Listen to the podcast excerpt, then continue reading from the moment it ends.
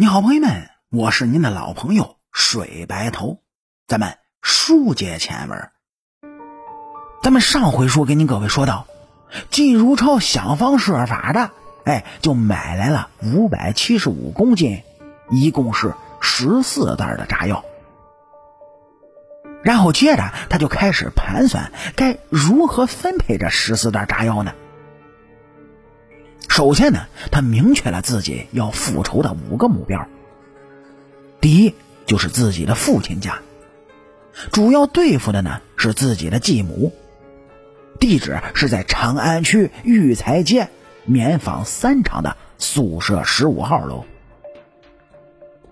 第二就是自己的前妻家，虽然自己的儿子也跟着他过，但是谁知道那是不是自己亲生的呢？这个地址啊，是在新华区电大街十三号，哎，五金公司的宿舍楼。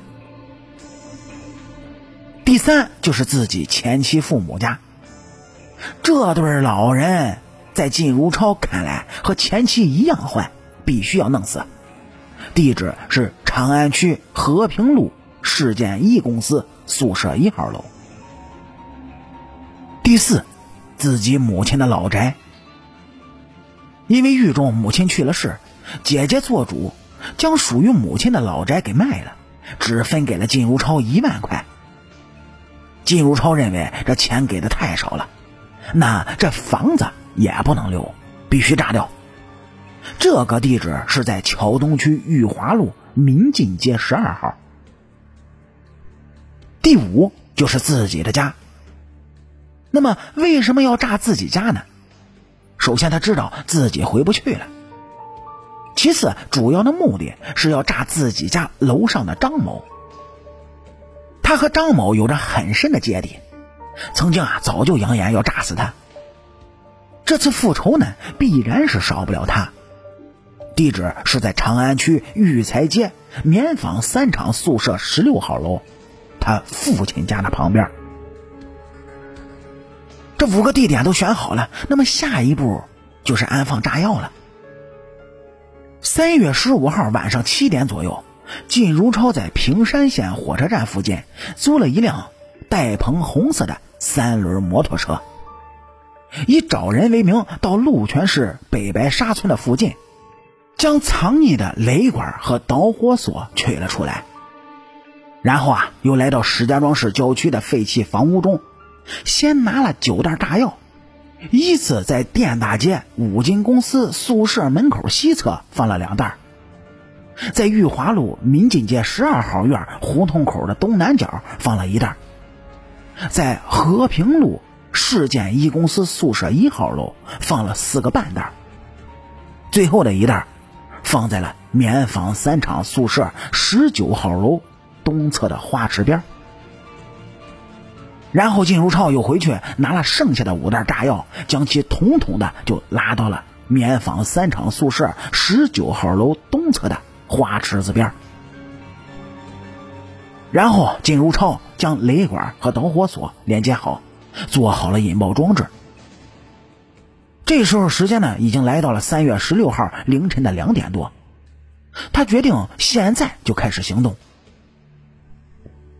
他的行动。首先从棉纺三厂的宿舍开始，他将堆在棉纺三厂宿舍十九号楼的六袋半炸药，分别就运到了自己要复仇的十五号、十六号楼的墙根处。因为不想伤害自己的父亲，他给父亲家所在的十五号楼只放了半袋，剩下的六袋分三处，全部都放在了张某家和自己家所在的十六号楼。凌晨四点十分左右，靳如超将十六号楼和十五号楼的导火索依次点燃。随后，他从棉三宿舍小南门逃出，跑到了中山东路世贸中心的门前，搭乘出租车到建设大街的市建一公司宿舍楼。这里是他前妻的父母家。他在凌晨四点三十分左右引爆了炸药。而爆炸发生时，他已经逃到了市建一公司宿舍北侧的一处立交桥下。然后，靳如超又叫上一辆出租车，赶到电大街十三号市五金公司宿舍楼，这是他的前妻家。而前妻呢，也是他最想杀掉的人之一。在点燃那里的炸药之后，他又迅速的打车来到桥东区裕华路民进街，把自己母亲老宅下的炸药也给点燃了。在引燃了所有的炸药之后，靳如超一路先打车出了石家庄市，然后在国道边他搭乘了一辆南行的中巴车。逃出了河北。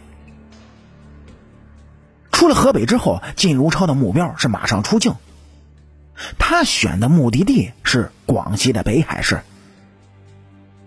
有了目的地，他通过多次的换乘长途汽车，从河南、湖北、湖南一路就到达了广西。二零零一年三月二十二日下午四时许，他到达了北海市。而此时的石家庄呢，已经是炸了锅了。五个爆炸的地点，除了棉纺三厂宿舍十六楼有一处没有引爆之外，这每一处都发生了爆炸，其中具体的伤亡情况也是相当的惨烈。伤亡达到什么程度呢？您各位点击咱们右上角的订阅小按钮之后，来下一集听主播。慢慢的跟您唠。好，江湖有奇案，下期咱们接着断。